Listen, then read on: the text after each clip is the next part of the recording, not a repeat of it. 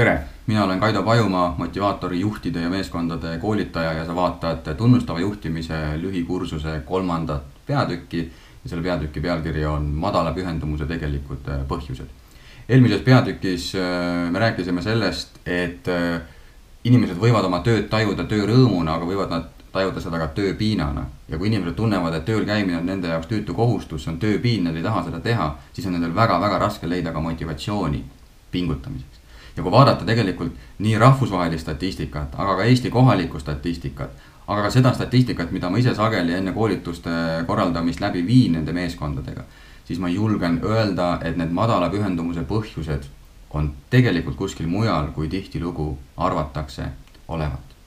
mina olen jälginud neid numbreid alates kahe tuhande kolmeteistkümnendast aastast, kui ma avastasin et, et kuusteist protsenti Eestis töötavatest inimestest ütles sel aastal, et nad on oma tööle pühendunud. ja pühendumus tähendab siis seda, et sa tunned, et sul on töökohaga side. kuuskümmend neli protsenti ütles, et suht suva, see on töö, ma teen oma töö ära, mul ei ole sellega olulist sidet. mind ei huvitagi, kuidas seal töö juures asjad väga on, ma annan endast parima, et oma palk välja teenida ja kõik. ja kakskümmend protsenti ütles, et ma olen aktiivselt, ütleks niimoodi, vastutöötaja. Et ma olen rahulolematu, mulle ei meeldi need asjad.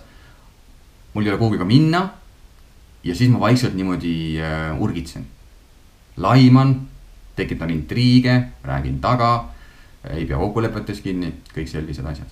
ja nüüd äh, aasta-aastalt tegelikult ei ole see trend kuidagimoodi paranenud, sest näiteks äh, kahe tuhande kuueteistkümnendal aastal tuli välja, et ainult kaheksa protsenti Eesti töötajaskonnast ütles, et tal on suurepärane töö. Need on siis Gallupi uuringud, Gallup on suur rahvusvaheline organisatsioon, kes neid uuringuid teeb ja Gallup äh, jagab siis töökogemuse kaheks, on suurepärane töö ja on hea töö. hea töö on selline töö, kus sul on kindlustunne töö suhtes. sa saad oma palga, punkt. suurepärane töö tähendab seda, et sul on täidetud kolm tingimust. punkt üks, sa tunned, et see töö sobib sulle, sa saad oma oskusi, teadmisi kasutada. punkt kaks, sul ei ole ebaselgust, ebamäärasust, sul on konkreetselt teada, mida sult tahetakse, mida sult oodatakse, et sa saad tööle pühenduda. Ja punkt kolm, sa tunned, et sellel tööl on sügavam mõte et sa oled kellegi jaoks vajalik, sa oled kellegi jaoks kasulik, sa oled äh, väärtustatud. ja ainult kaheksa protsenti eestlastest ütles kahe tuhande kuueteistkümnendal aastal, et ma olen oma tööle pühendunud, sest ma tunnen, et see on suurepärane töö. üheksakümmend kaks protsenti vähemal või rohkemal määral tunneb, et midagi on puudu. kas on puudu see, et see töö üldse ei sobi mulle? kas on puudu see, et äh, näiteks ma ei saa aru, mida mul päriselt oodatakse, mida mult tahetakse, sest ma ei saa tagasisidet ja võib-olla punkt kolm see, et ma tunnen, et ma ei ole mitte kellegi jaoks siin vajalik. ma käin, ma teen keegi minuga ei räägi, keegi mulle tähelepanu ei pööra, keegi mind ei tunnusta, keegi mind ei kaasa.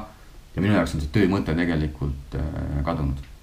ja nüüd jällegi, nagu ma eelmises äh, punktis rääkisin, siis tihtilugu arvatakse, et madal pühendumus on töötajate probleem.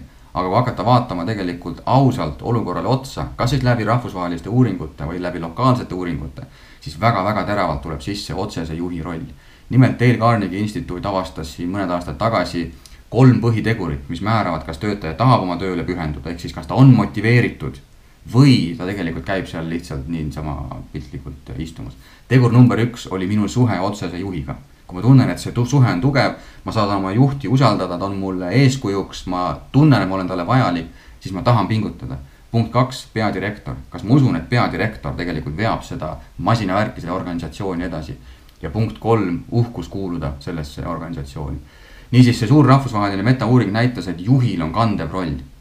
ja mis tuli välja kahe tuhande seitsmeteistkümnenda aasta siitsamast Eestist. Sivi keskus viis läbi uuringu, kus ta küsitles tuhande kuuteteistkümmet inimest, kellest kolmkümmend protsenti ütles kohe, et nad on valmis minema madalama palga peale, kui üks tingimus täituks.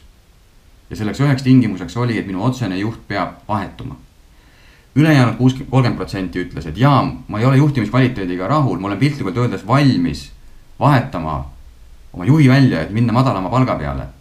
aga ma ei saa minna, sest ma ei tuleks ots otsaga kokku, mis tähendab seda, et tuhandest inimesest kuussada ütles, et ta on valmis palgast loobuma selle nimel, et juht vahetuks. ja nüüd päevast päeva ka nendel samadel koolitustel ma kohtun juhtidega, kes ütleb, et ei, minu töötajaid mitte miski muu ei huvita, kui ainult see, et kui palju nad palka teenivad ja enda osa nad selles ei näe, kuigi statistika, minu viie aasta kogemus, rahvusvahelised uuringud räägivad kõik teist keelt. kõik ütlevad, et tegelikult juhi roll on väga-väga oluline selles, kas töötaja on pühendunud, kas ta motiv-, on motiveeritud või ta käib lihtsalt seal. ja vot see on see koht, kus kohas tegelikult juhid peaksid ärkama ja küsima, et äkki ma olen mingis osas nagu silma kinni pigistanud, äkki ma ei teadvusta oma rolli selles kõiges. Et inimesed ei ole motiveeritud, äkki motivatsioonikoolituste tellimine ei lahenda pikaajaliselt probleeme. äkki pikaajaliselt lahendaks selle probleemi ainult see, kui ma juhina võtaksin tegelikult vastutuse ja küsiksin, kui suur osa selles, et minu tänane meeskond ei pinguta, ei tööta kaasa, ei mõtle kaasa, ei tule kaasa. kui suur osa selles on minus